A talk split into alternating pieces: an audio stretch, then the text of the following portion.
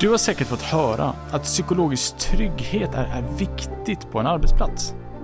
Men vad är psykologisk trygghet egentligen? Varifrån kommer begreppet och finns det någon forskning på ämnet?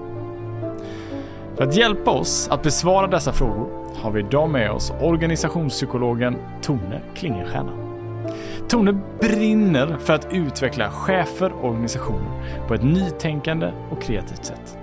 Och i vårt samtal idag så kommer vi bland annat att få lära oss hur små beteenden som fokuserande på en dator kan skapa psykologisk osäkerhet i en grupp. Vad chefer praktiskt och faktiskt kan göra för att skapa psykologisk trygghet i ett team samt hur ett djupt andetag kan hjälpa dig som chef att fatta bättre beslut. Nu tycker jag att vi kör igång. Här är vår expert för dagen, ingen mindre än Tone Klingenstierna. Ja, jag heter Tone Klingenstierna och jag är legitimerad psykolog och organisationspsykolog. Och eh, fram tills för några månader sedan så jobbade jag enbart med att stötta stötta, utbilda, utveckla chefer på olika nivåer. Eh, men är sedan, ja, men efter semestern så är jag, eh, har jag själv gått in i mitt eh, första chefsuppdrag. Så att numera är jag då eh, områdeschef för psykoterapi och handledning på Sankt Lukas i Göteborg. Och eh, det är en verksamhet som jobbar ja, men både med terapi för individer och handledning av anställda men också samtalsstöd till medarbetare och sen också den här nischen som vi har då med, eh, med eh, organisationspsykologer som, som eh, stöttar chefer, medarbetare när konflikter har uppstått, när man behöver utveckla sin ledningsgrupp eller sin, sin medarbetargrupp och ja, men också då med utbildning. Så att det är det är jag på jobbet. Det, det är den korta introduktionen till eh, Tone. Ja, precis. Underbart. Ja, jag älskade när jag fick eh, läsa, och jag vet inte var jag läste den här beskrivningen av det, men jag tyckte den, den, den, var väldigt träffande, där du beskrev dig själv som en, en utåtriktad och analytisk organisationspsykolog som, som, som brinner för att utveckla chefer, organisationer på ett både nytänkande och kreativt sätt. Men alltid med en, en förankring i, i forskning och evidens. Och vad jag vill komma med det här lite vad, vad föddes hela det här intresset kring psykologi, hur människor agerar, hur vi skapar beteenden. Var kommer det intresset ifrån Tone? Ja men, ja, men jag har nog jag har alltid varit en person som har liksom något ben, eller ett ben i det kreativa. Jag har um, ägnat mig åt, mycket åt musik och teater eh, tidigt i mitt liv. Och sen har jag mm. ett ben liksom i vetenskapen, i forskningen. Eh, och, eh, men också alltid haft det här intresset för hur människor funkar. Eh, alltid haft liksom en, en, men varit en stor nyfikenhet tror jag på andra.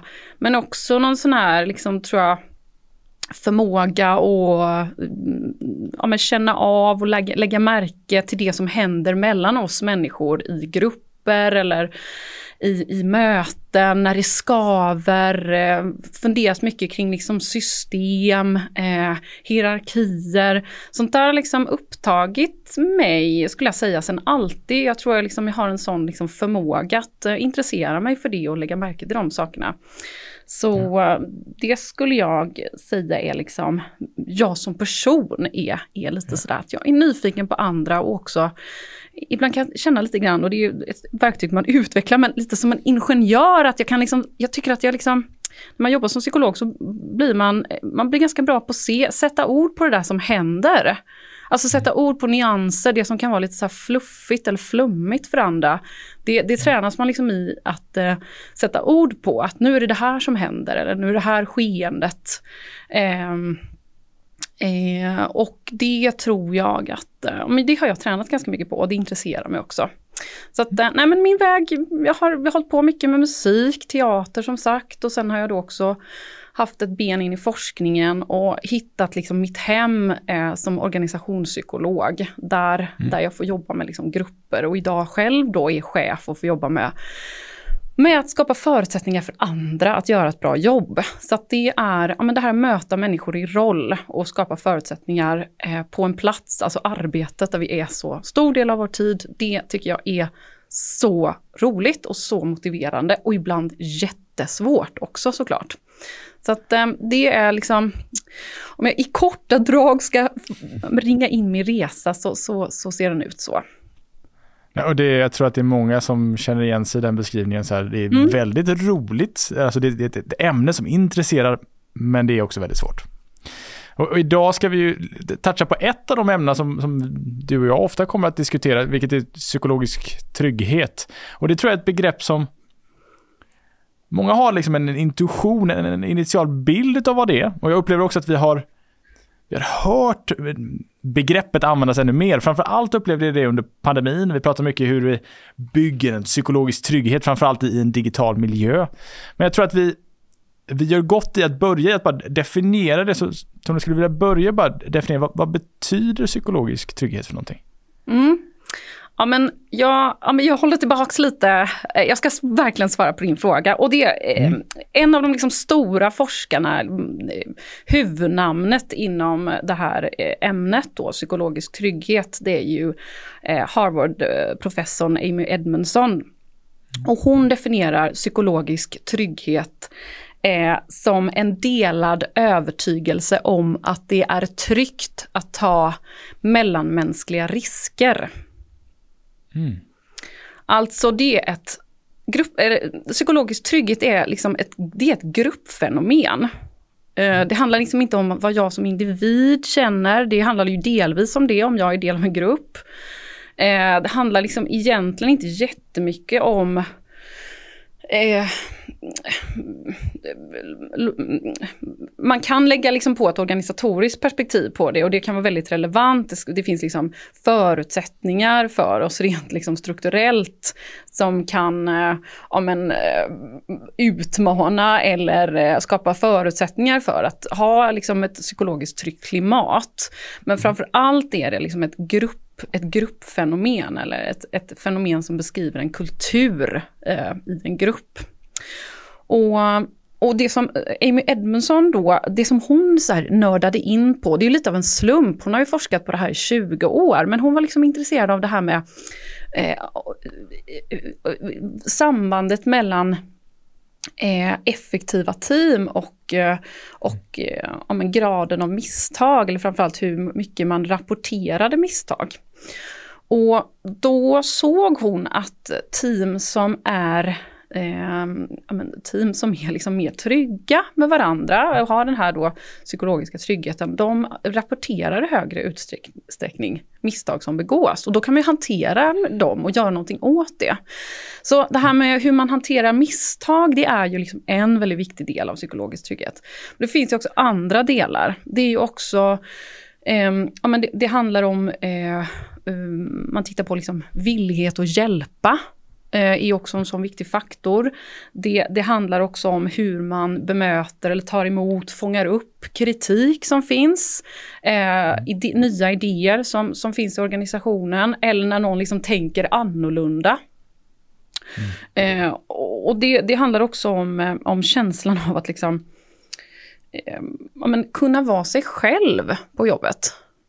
Alltså mm. lite, vara lite som man är. Eh, Såklart utifrån liksom vissa ramar. Så, mm. så det, är väl, det är väl det som, om man ska säga lite grann, liksom, sådär, vad är psykologisk trygghet? Ja.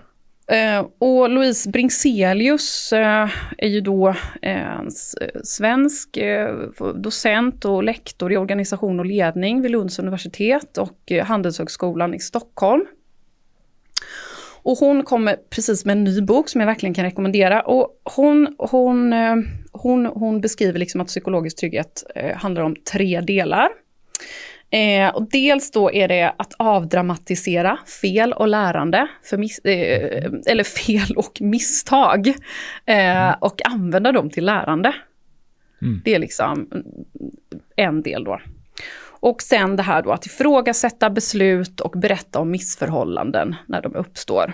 Och sen Ja. också då att utveckla eh, strategier och lösningar genom att fram, eh, fr- framföra idéer. Så det tycker jag, liksom, hon, hon sammanfattar det på ett väldigt bra sätt. Mm. Men, men när jag brukar så förklara det här, eller när jag, när jag pratar om det här för, för, men för chefer eller för medarbetare som jag träffar, då, då är det liksom den här känslan av att så här, men jag, här, får jag, här får jag komma till min rätt. Ja. Här kan jag, när vi har en hög psykologisk trygghet så känner jag liksom, här får jag utväxling på mina kvaliteter. Eh, om jag kommer med en ny idé eller om jag kommer med någon, jag lyfter någonting som inte funkar. Så blir jag inte direkt liksom nedslagen verbalt. Eh, nej men då, då, då får jag inte direkt den här kommentaren av att så här, det, här har vi, det här har vi redan gjort flera gånger eller nej jag vet inte om det kommer funka. Utan mm, på olika sätt så, så, så, så, så möter man liksom eh, det som kommer upp genom att lyssna eller ställa frågor och så vidare. Och det finns också den här liksom hjälpsamheten, alltså du, du, du, eh, du bevakar liksom inte ditt eget område, det är inte så här idéstölder. Det här liksom, jag tror att de, när man har varit med en psykologiskt otrygg grupp så sätter det sig verkligen i kroppen, den här liksom, man känner att ja, men mitt, mitt, eh, mitt utrymme är väldigt begränsat och jag, jag får liksom inte utväxling på mina tankar. Eh, eh eller idéer eller när jag lyfter någonting som inte funkar så, så, så, ja, men så förminskas inte det eller att det inte lyssnas till utan man fångar upp det helt enkelt. Så att, eh, det är just den här känslan, känslan av att liksom lite komma till sin rätt. Och att den också delas av hela gruppen. För att det Psykologisk trygghet är som sagt ett, en kultur, ett fenomen på gruppnivå. Så att om jag, det spelar ingen roll om jag det handlar liksom inte om personlighet, att jag är lite extrovert, jag har lätt att säga vad jag tycker och tänker, utan, eh, utan psykologisk trygghet behöver liksom delas. Det behöver vara en uppfattning som vi har gemensamt, en kultur helt enkelt som präglar ett Ja. sammanhang. Mm. Podden fortsätter strax, men först några korta ord från oss bakom podden. Låt väl valda experter utbilda dig. Docens erbjuder underhållande och inspirerande utbildningar för företag utan att göra avkall på kunskap och fakta. Du hittar kurser i populära Office-program som till exempel Excel, PowerPoint, men även specialkurser för olika roller på ert företag. Det kan bland annat vara stresshantering, sälj, presentationsteknik eller min egen kurs i hur du lär dig mer och bättre. Docens unika kursmall och specialanpassade verktyg underlättar för kompetensutvecklingen ute på företagen. Vill du och ni bli en lärande organisation så är Docens ett steg på vägen. Läs mer på docens.se eller i beskrivningen här nedan. Nu fortsätter podden. Eh, och Nu har du varit inne och touchat på det ett, ett par Ja. gånger och eh, det jag tyckte att det liksom var, var bra här var att eh, kanske vissa lägen också utgår från vad är det inte? För jag Ja. upplever att många kan ha liksom upplevt en, en känsla av att känna sig psykologiskt otrygg. Ja, Eh, Och, verkligen. och, att då kunna säga, vad hade motsatsen varit? Att det nästan är lättare att måla upp den Mm. bilden. Vad- och om man bara skulle kunna eh, ägna en liten stund åt det. Vad, vad, vad är det? Vad, vad är det jag känner, upplever när jag är psykologiskt otrygg? Ja, men... mm, mm, Alltså, dels vill jag svara på frågan på två sätt. Eh, eh, och eh, jag börjar där du ställer din fråga, där du nu har ditt intresse. Och ja, men, Eh, eh, jag, jag tänker att det...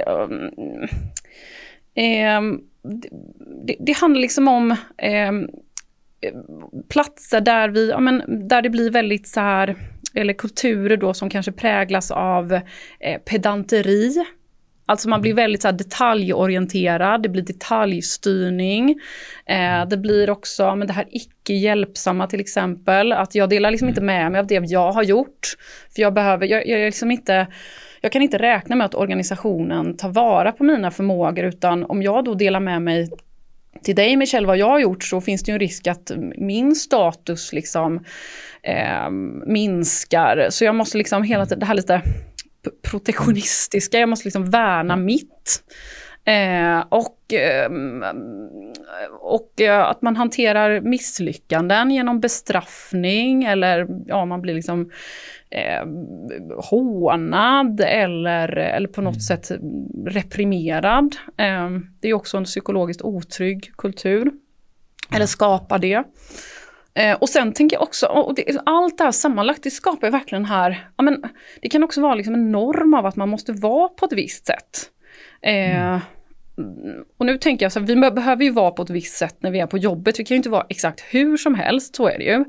Men ramarna, exakt hur man gör, de är ju ganska breda. Alltså vi vill ju nå någon slags resultat.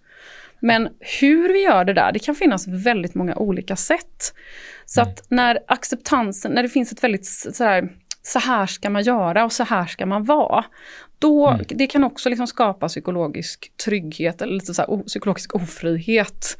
Eh, så det är väl liksom, och det där, sätter sig, det där sätter sig fysiskt. Jag tror att när jag pratar så här, jag själv har erfarenheter av att vara i såna här grupper som verkligen är mm. sådär, ja men eh, det främjar inget bra liksom hos någon och inte hos mig heller. Och jag tror, att, jag tror att många har den upplevelsen av att vara del i den här typen av team eller arbetsgrupper. Och ja. det tar verkligen fram, det, det tar fram det sämsta ur alla och det gör att vi presterar sämre, det blir högre personalomsättning, lägre mm. motivation, ja, allt det där vi inte vill ha. Ja, och där kommer du in på något, för just det här, varför är det här viktigt? Ja, ja, du nämner ett par faktorer här, liksom det, högre sjuktal. Vad är mer anledningen till varför det är så viktigt att vi skapar en psykologisk trygghet i den organisationen, teamen, teamet, gruppen som vi är i? Ja, eh, ja, men, eh, ja men först ska jag bara lägga till en sak till vad det inte är. Och det är egentligen bara så här, och det är bara, jag vill säga, för det är så viktigt, det är också, det här handlar inte om att vara snäll.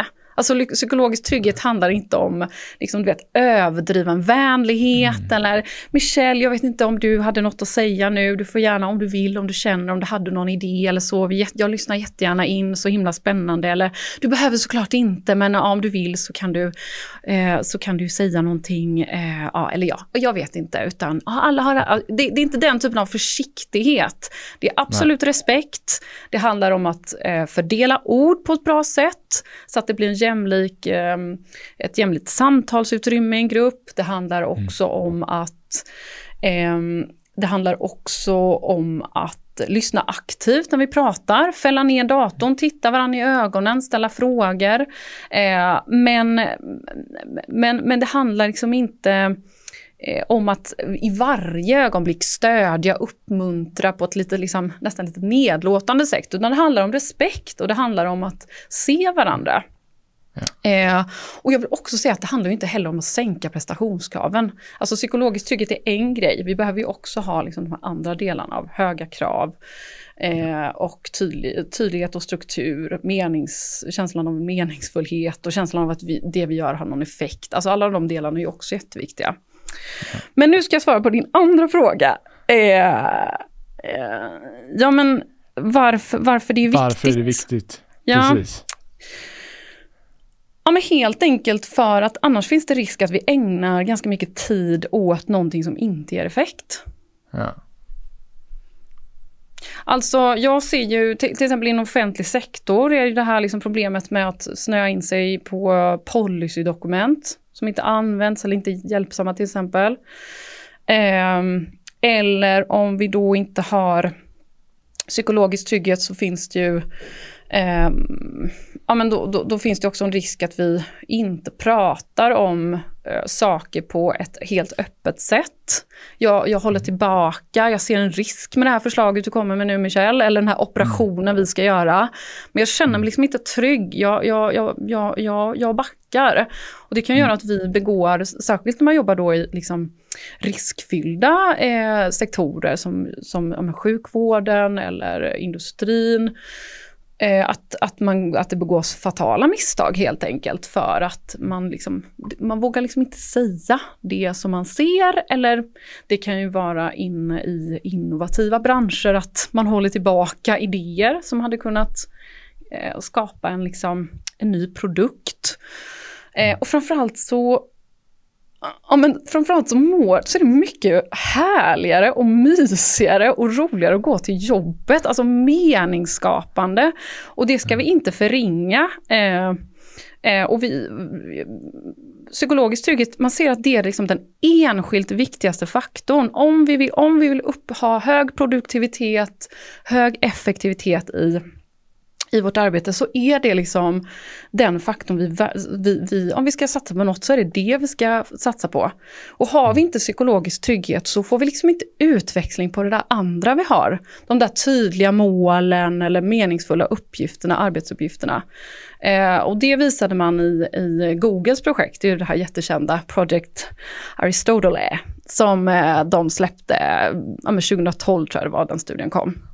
Där man då mm. tittade på teams effektivitet. Så att, och då, då är det så här, psykologisk trygghet, det, det är enskil, den enskilt viktigaste faktorn för att team ska lyckas. Så av den anledningen, en väldigt, det finns tusen anledningar, men, men den är ju den som intresserar eh, många som vill ha framgångsrika eh, företag och framgångsrika arbetsgrupper. Utan tvekan, och där tänker jag, om vi om vi försöker att vi ska bli liksom lite mer praktiska och faktiska ja. och framförallt så är jag jag är nyfiken på om vi, eh, om vi kan liksom få dyka in i din experthjärna Tone och se lite hur, ja. hur jobbar du med och jag tänker att vi utgår då från en, en, en grupp, ett, ett, team och du vill mm. skapa psykologisk trygghet i den här gruppen, i det här teamet. Hur tacklar du problemet? Och, och jag tänker om vi börjar lite i så här utzoomat, lite mer helikopterperspektiv. Hur tänker mm. du för att sen röra oss in lite mer i detalj, kanske börja, vad är första grej som du gör för att börja etablera den psykologiska tryggheten. Låter det som en, mm. Eh, mm. en bra plan?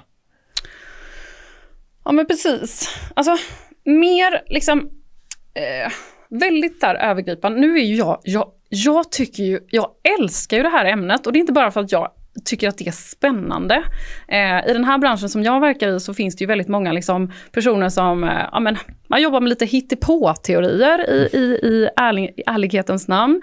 Och det kan ju leda, det kan ju vara jättehärligt att ta, till av, ta del av dem. Men mm. effekten blir inte bra. Eh, den kan vara, det kan bli en härlig effekt men, men vi jobbar liksom med fel saker. Så mm. för mig då som, som har mitt intresse i forskning och också har en, liksom, ja, men har en legitimation i botten. Jag måste också jobba med sånt som, som faktiskt gör skillnad.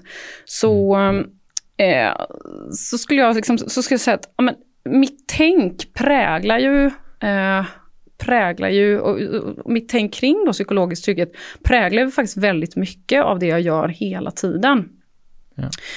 Eh, så om man skulle vilja öka sin psykologiska trygghet då, eh, då beror det ju på vem är man? Mm. Eh, och en eh, liksom en för, första start skulle ju vara att liksom lite grann eh, ja, men börja eh, nosa på ämnet och också eh, kanske ut efter att man har lyssnat på det här ehm, eh, definiera för sin grupp till exempel om man, om man är chef eller om man är eh, någon typ av organisationskonsult och lyft, lyfta in det. Eller om man är, man är del i ett team eh, och mm. tycker att det här låter spännande. Mm. Eh, och då tänker jag att man tillsammans ska diskutera liksom vad, vad syftet med det här. Var, varför mm. ska vi jobba med de här sakerna? Ja. Och prata om det. Eh, jag brukar också uppmuntra en till att eh, um, ja, men också göra en liten, så här, liten SWOT-analys eller någon typ av riskkalkyl. Alltså vad är, vad är liksom risker och eh, liksom möjligheter eller vinster med att göra det här? Vad ser man? Ja, ja. Eh, väldigt liksom, enkelt. Mm. Och sen om man ser att det här svarar an våra behov så, eh, så, finns, så, så, tycker jag att man verkligen ska börja jobba med det här. Och det, hittills har inte jag mött någon organisation, någon verksamhet eh, som inte har liksom, eh, haft hjälp av det här. Nej.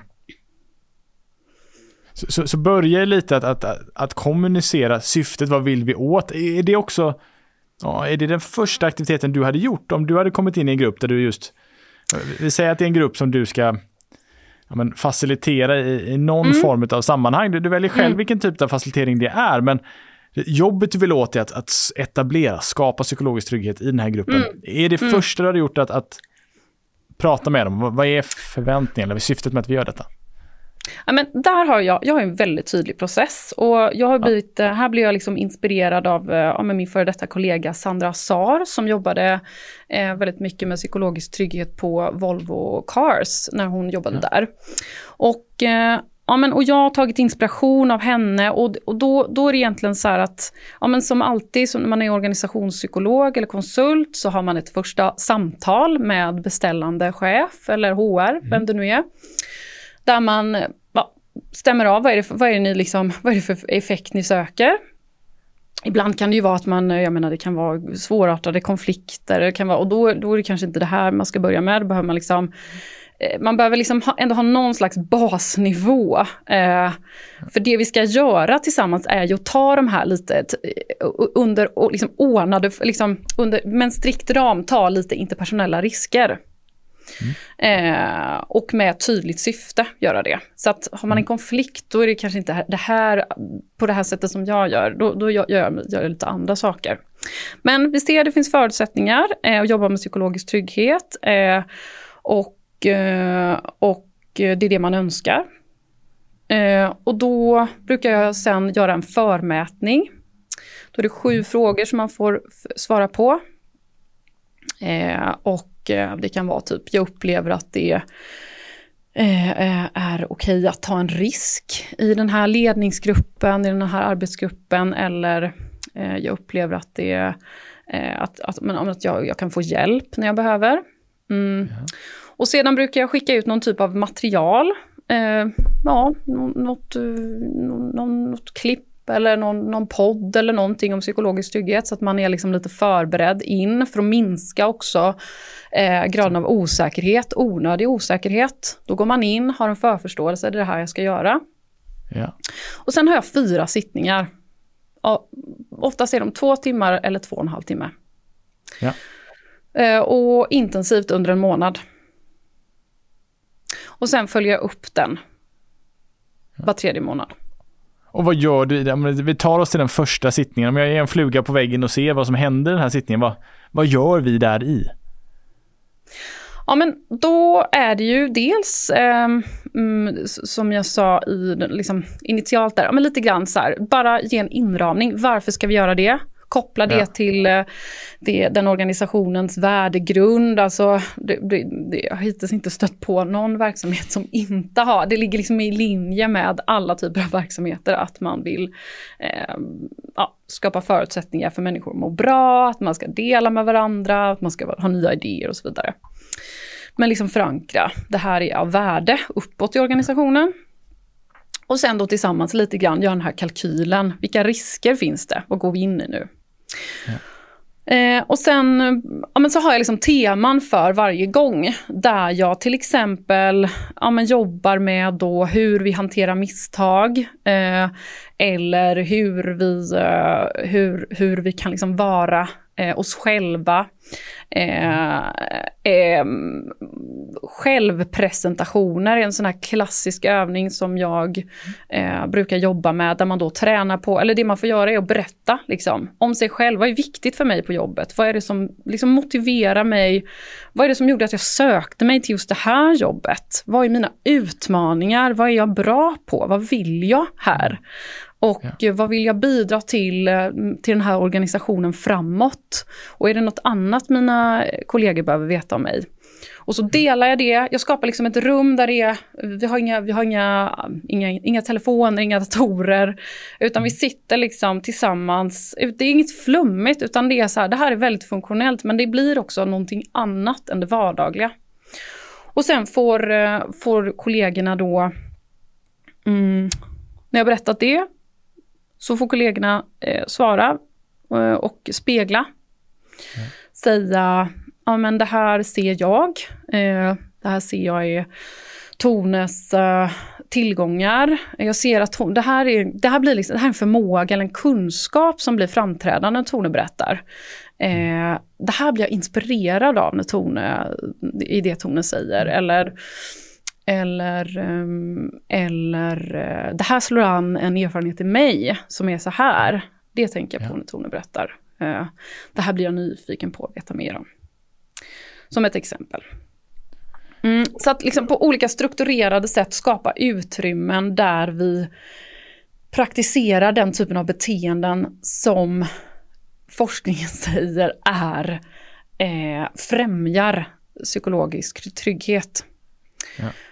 Eh, och, och, jag jobbar aldrig med liksom matnyttiga, det är klart det kommer in lite, men, men vi lägger liksom i den här väldigt så korta insatsen, för jag brukar göra ganska, alltså ibland, man kan ju vara med en, med en, grupp i två dagar, det här är en väldigt, väldigt effektiv avgränsad insats där vi liksom skapar ett, vi, vi, vi ställer oss åt sidan, eller vid sidan om den dagliga verksamheten, går in liksom i ett annat forum där vi helt fokuserar på detta och jobbar aktivt med de här. Så det är liksom upplevel, upplevelsebaserat med liksom kort teoretisk inramning. Mm. Men det det ger då nästan liksom efter en, två sittningar, det är ju att det, det ger Alltså man börjar säga så här, men vi pratar helt annorlunda i ledningsgruppen. Eller nu mm. senaste mm. mötet, liksom, det var liksom, vi började turas om vem, vi, prat, vi pratade i mun på varandra hela tiden förut, men nu börjar vi liksom lyssna på varandra på ett annat sätt. Ja. Eh, så att det får liksom direkt effekter på hur folk interagerar med varandra. Så att funktionen är egentligen inte... Alltså funktionen är att vi ska prata om det som är viktigt att prata om. På ett mer fördjupat, ärligt och eh, mm. autentiskt sätt. Ja. Så att det, de perspektiven som finns och är tillgängliga i en organisation, i en verksamhet, kommer fram. Och att det inte är de här liksom, eh, ja, men hämningarna eller den här rädslan som vi människor, vi har med oss den. Vi är inte alls benägna att ta risker. Vi, vi ogillar risker om det inte har något syfte. Så det är egentligen mm. väldigt viktigt det här med tydliggöra, så här, det här är så viktigt. Alltså det här är, det finns en vinst med att ta de här riskerna. Mm. Eh, att till exempel beskriva ja, men vad är liksom mina största utmaningar? Eller vad, är, vad, liksom, vad har jag för irriterande sidor som kan vara viktigt för er att veta? Och hur vill jag att ni ska feedbacka mig? Eller feedbacka gillar jag inte, men hur vill, ni att, hur, vill, hur, hur, hur vill jag att ni ska bemöta mig när jag gör på ett sätt som ja, men jag inte önskar eller sådär. Så det, det, det, det, det är liksom exempel på övningar som jag gör då. Mm. Och sen gör en du, du nämnde, nämnde bara en bisats här Tone som jag skulle vilja liksom lite ja. bara klicka mig in på. Eh, eh inga datorer, inga telefoner. Och, och, så gick du vidare liksom. Jag bara, ja, just det. Ja. Eh, ja, det här... Varför är det inte några datorer eller telefoner i det här rummet? Nej men därför att det är, eh, ja men vi vet, vi vet liksom, eh, ja men, eh, att, att, liksom, att, att, titta, eh, Eh, när, när vi möter varandra så kan liksom ett skifte, bara jag liksom tittar bort, byter blick, tittar på klockan, eh, tittar mm. på telefonen, tittar i datorn. Det blir en sån här liten mikrohändelse av liksom Ja, avvisande kanske är, är, är ett väl starkt ord, men det gör någonting lite så här, lite grann med oss. Eh, ja. Så att ta bort de typerna av distraktioner som vi kanske behöver ha annars, eh, de är jätteviktiga hjälpmedel i vår vardag. Eh, mm. Vi tar bort dem för en stund. Så att vi liksom helt och hållet kan lyssna på varandra. Eh, och, och, inte heller riskera att så här, du pratar Michelle och säger någonting som är så här, ja men det här är viktigt.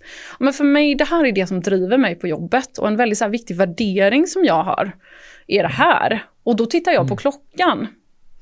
Så att psykologisk trygghet handlar ju väldigt mycket om att berätta, dela saker eh, som mm. är utmanande, alltså eh, eller där vi är lite sårbara relaterat till då vår arbetsroll.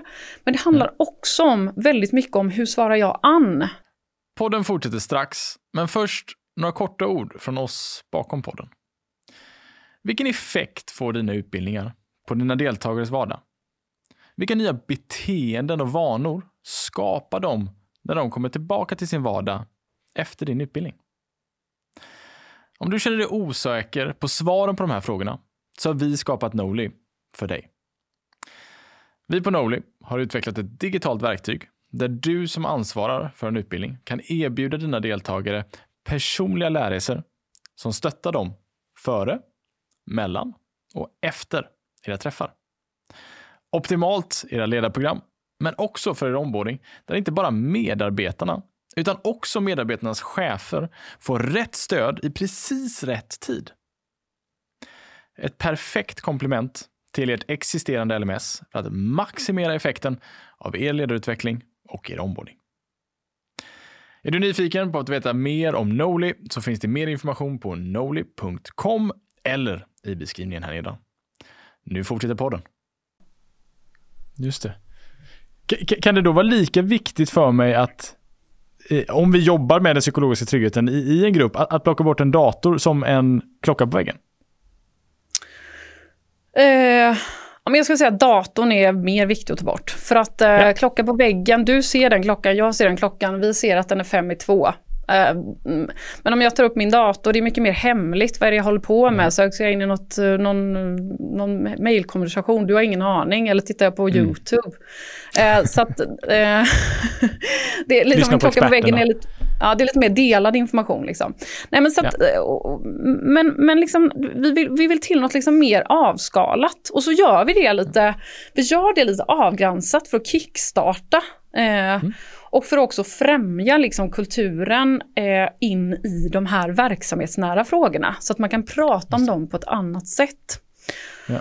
Och, och sen vill jag också bara säga att här, psykologisk trygghet är ju verkligen som en kondition. Alltså det behöver man mm. liksom jobba med kontinuerligt. Men har man gjort, har man gjort någon typ, typ av liksom insats där man har satt det här på kartan så har man ju såklart man har ju såklart liksom med sig det och man kan referera till det. Man kan om man märker så här, nu har vi tappat eh, kan man hämta upp eh, det här genom lite så här, vi, vi, man har skapat någon typ av gemensam kognition, begreppsvärld så att vi kan liksom eller, ja men Michelle, nej men nu, nu hörde du det, hörde, nu, nu, sa du, nu sa du att, äh, att äh, det där har vi, det där har vi redan gjort, det där, den där idén kan vi, det där tror jag inte på liksom. Nej. Ja, just det, just det, ja det gjorde jag. Uh, ja, så, så vi kan liksom hjälpa varandra lite grann och referera till det vi har lärt oss. Um, så. Ponera att jag nu, uh, Tone, sitter och lyssnar på det här som uh, chef, ledare av något slag. Jag, mm. upplever kanske när jag hör det här att ah, min grupp, jag undrar om det verkligen är så hög grad av, av psykologisk trygghet i mm. vår konstellation just nu. Vad är, vad är små saker jag skulle kunna börja göra för att om vi säger då, förbättra min kondition kring den psykologiska tryggheten. Mm. Om vi säger att det är någonting jag ska träna på och jobba över tid. Vad är små saker jag kan börja göra redan imorgon för att förbättra konditionen? Ja, Alltså, jag tycker verkligen att det, uh, jag rekommenderar verkligen att ta in liksom, hjälp utifrån. Och jag, jag vill liksom bara vara tydlig där att det, det kanske inte är den första insatsen som gäller om det är full konflikt i en grupp. Men även om det är, liksom, det är, inte, det är inte världens bästa stämning så kan det här verkligen vara, det kan liksom förändra känslan verkligen. Uh, att det går från mm. att det är lite skavigt till att bara, jag längtar till att gå på jobb, till jobbet. Mm. Så att, eh, att ta hjälp utifrån är i många lägen väldigt bra. Mm. Ja. Men om vi verkligen zoomar in så här, vi tänker sig i rollen som chef. Eh, mm. Ja men då, liksom bara några små grejer då. Ja, det här är nästan den största utmaningen. Men, eh, och det är inte en chef i sig som kan skapa psykologisk trygghet, så är det ju inte. Men man är ju, man är ju en rollmodell, man har jättebra chanser. Liksom man, är ju en, man har ju liksom, eh, ja, men man har ju väldigt, eller man, man har ett eh, man har väldigt goda förutsättningar att påverka kulturen. Kanske mer än en medarbetare ibland. Mm. Eh, så, ja men, då tänker jag, både i rollen som chef men också som medarbetare, så, så, så tänker jag att det här att inte gå i försvar. Mm. Inte gå i försvar när eh, någon lyfter en kritik eller, eller någonting som inte fungerar. Ja. Och det är så svårt. Det kan ja. verkligen vara så svårt. Jag tror att alla liksom har hamnat där, jag har hamnat där flera gånger. Ja. Eh, eh, att liksom inte bli defensiv, börja förklara sig om någon skulle komma till mig och säga så här, men Tone, det där, det där mejlet du skrev, det var liksom, det, blev, det föll inte väl ut. Eh, alltså, vi blev mm. jättestressade av det, det var inte tydligt heller. Och nu bara, alltså nu, äh, men det där blev liksom, det där blev inte bra och jag tror inte ens att du borde ha skrivit det till exempel. Eh, så jag, jag ju, så är min in, min liksom spontana reaktion är att börja förklara hur jag tänkte eller ifrågasätta, var det verkligen så? Eller Eh, eller på andra sätt liksom in, inte bemöta kanske, eller slå bort det, eller liksom eh, ja, försöka bara gå vidare från det. Mm. Och istället så är min, verkligen min rekommendation att försöka i den stunden tänka, vad är det den andra personen behöver? vad är det jag behöver? Om jag lyfter någonting som jag inte tycker funkade eller en kritik som jag kanske har lyft flera gånger. Mm. Eh, vad är det jag behöver då från min motpart? Ja. ja men jag behöver egentligen bara sätta ord på det. Ja. Så när jag då, när det är någon som kommer till mig och kommer med en kritik eller någonting som de inte tycker är bra eller något som jag inte har gjort bra, så gör jag väldigt, väldigt klokt i att försöka slappna av i kroppen och eh, eh vara tyst och lyssna. Mm. Och efter en stund så kan jag säga något i stil med Ja men jag, jag hör att det här har blivit, eh, det här blev inte bra liksom, eller det här föll inte ut på ett sätt som, som, eh, ja, men som du ser blev ja, bra för verksamheten eller något sånt. Och när vi blir validerade eller bekräftade så blir vi lite lättare. Så då kanske vi, då brukar det oftast göra att den andra kommer igång lite och säger, kanske kommer med någon typ av idé hur man hade kunnat göra istället. Eh, och då kan man fråga lite mer om det. Eh, vad, tro, vad tänker du framåt? Finns det något jag kan, liksom, man kan göra nu? Eller vad tror du kan vara klokt om vi ska försöka skruva lite på detta? Eller sådär. Ja. Eh, så det är liksom och det här är en väldigt så här, psykolog, det är ett inre psykologiskt arbete man gör. Men rent konkret så är det ganska mycket att slappna av i kroppen och vara tyst och lyssna på vad personen säger och tänka funktionellt. Liksom. Hur blir det nu om jag börjar liksom, tjafsa emot? Eh, vad, vad, kommer det göra med den här personens eh, motivation att komma nästa gång när någonting inte funkar? Ja, ja. men den kommer bli lägre. Och vad gör det med vår verksamhet på sikt? Ja, men det gör ju att vi inte får fram det som inte funkar.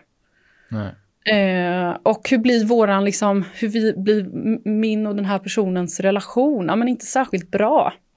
Nej. Då blir jag en person som inte kan ta det som faktiskt, det är ett perspektiv som är, ja, lyfter fram någonting som inte funkar i verksamheten. Jag kan bara ta det som funkar. Mm. Och då riskerar vi att hamna lite snett liksom, och styra i fel riktning. Med, med liksom, vi, bara, vi bara kryssar över de där, de där mm. eh, grynnorna som fanns i vattnet. Eh, vi, vi struntar, vi, det är inget grund där, vi bara kör. Ja. Eh, så, ja. Det, det, det jag hör lite är liksom att våga ha en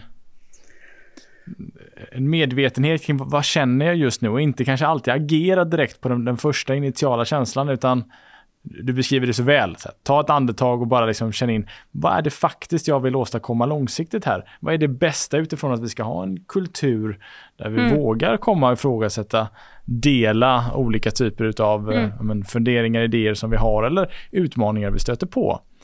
Så att, att, att skapa en större medvetenhet i mig som chef. Mm. Vad är det faktiskt jag känner just nu, men att inte alltid direkt agera på den initiala känslan. Tolkar jag dig rätt då? Ja men det är väl jättebra och det är sån här liksom eh, verkligen eh, ett, ett eh, det är någonting som jag tycker mig se är bland den största utmaningen för chefer. Eh, ja. Just det här med att, med att inte gå eh, inte gå i försvar då, eller bli defensiv. Ja. En annan sak som man kan göra som är också väldigt liksom, lätt då som chef i rollen som blir så rollmodell, förebild, eh, det är också att dela när det inte har gått helt bra. Mm, eh, ta på sig direkt, inte liksom eh, snärja in sig i någon liten mikrolögn om att nej men det där vet jag inte liksom. Utan bara, nej men jag, det där glömde jag. Det hände mig senast ja. idag. Jag hade liksom glömt att skicka en faktura till vår ekonom. Bara sa jag det. Ja. Eh, jag, jag har glömt det. Ja. Och då var det min medarbetare som fick en påminnelse. Så då sa jag det till henne också. Jag, eh, jag har missat det. Så jag är tacksam över att jag, jag, har liksom, jag är omgiven av personer som har koll också med, med hög nog, noggrannhet. Ja. Det, det, är liksom, eh, det finns ganska mycket att vinna för, för i, mm. i, en sån handling så, så gör jag det enklare för andra att, att komma till mig när de inte har kanske, ja, de har missat, oftast är det ju liksom inga stora grejer, men även om det skulle vara något stort och desto mm. viktigare att de kan komma till mig då och, och säga det så att vi kan, gemensamt kan hantera det.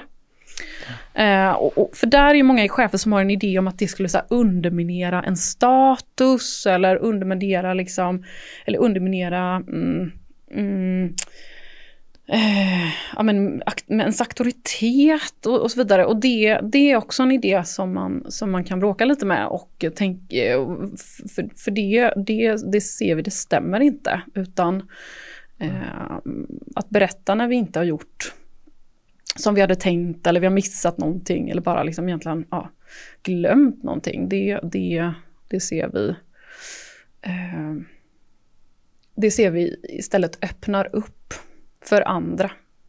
Ja. Jag, tror, jag tror att vi har fått många bra inspel här, både utifrån att jag är ledare, chef, jag, jag vill etablera, bygga upp en större psykologisk trygghet i min grupp. Om du får liksom ett medskick, en sak som så här, glöm inte detta. Vad skulle det vara till dessa chefer och ledare? Uh, uh, mm. Ja, ett medskick. Glöm inte detta. Mm. Gud vilken bra fråga. Men jag tycker nog att det är det här att eh, sluta benämna kritik som motstånd. Det är någonting som mm. Louise Bringselius också lyfter eh, väldigt ofta. Men det, det är, det tycker jag är lite symptomatiskt och det är eh, det är jobbigt med kritik. Det är inte kul om någon inte tycker att saker är bra. Det är också jobbigt när det kommer vid upprepade tillfällen. Men eh, det är ju när, när kritik kommer vid upprepade tillfällen, eh, då är ju det ett tecken på att det är något angeläget för den personen. Eh, angeläget för verksamheten. Och om jag inte bemöter det eller tar det på allvar så ett, riskerar jag att volymen höjs ännu mer, det sprids till fler.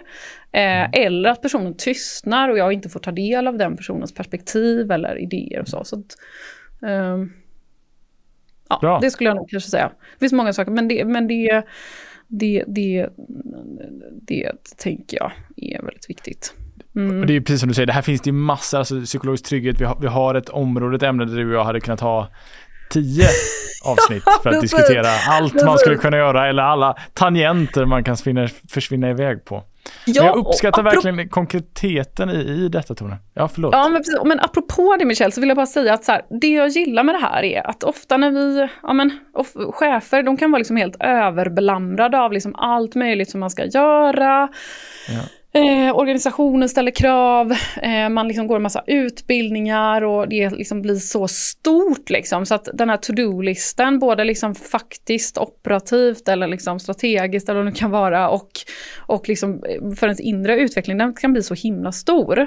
Och då tycker jag att eh, därför gillar jag liksom med det här liksom upplägget som jag jobbar med, att liksom verkligen förenkla och göra så här. Nu, eh, att lägga tid på just psykologisk trygghet, det är liksom en väldigt väl investerad eh, insats och väl investerad tid. Och det är lite grann mm. så här, eh, det kommer göra att de andra frågorna blir lite lättare att hantera.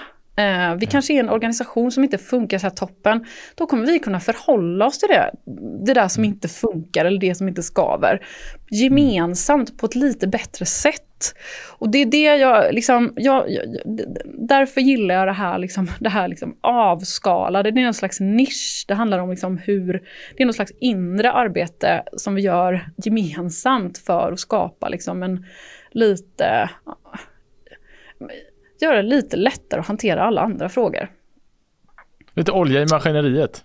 Ja, precis, ja. verkligen. Det är liksom inte bensinen eh, i, i, i, uh, i bilen, men det är liksom lite grann, det är att släppa på gas, eller det, det är att släppa på bromsen, kan mm. man säga. Eh, allt det där som hämmar och tynger. Så jobbar man med det här så blir det liksom lite, eller mycket Snyggt. enklare. Mm. Och vi gör det tillsammans. Mm. Det, det, är väldigt uppskattat med alla de konkreta tips vi har fått här Tony. Jag har till alla eh, våra gäster som är med frågan, eh, en bok som de väldigt gärna önskar att fler hade läst eller som har betytt mycket för dem. Har du någon sådan bok som har betytt mycket eller som du önskar att fler hade läst om det? Ja, precis. Alltså jag, jag, eh, vill ju rekommendera de böcker som har skrivits om eh, psykologisk trygghet, men, men eh, jag tänker de kommer att finnas.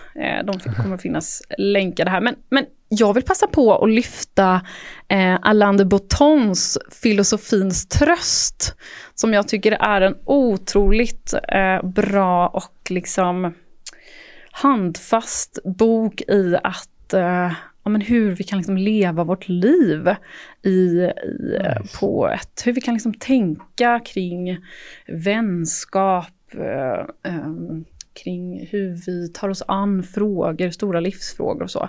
Den boken, den återkommer jag ofta till. Jag tycker att den är, eh, den är jättebra.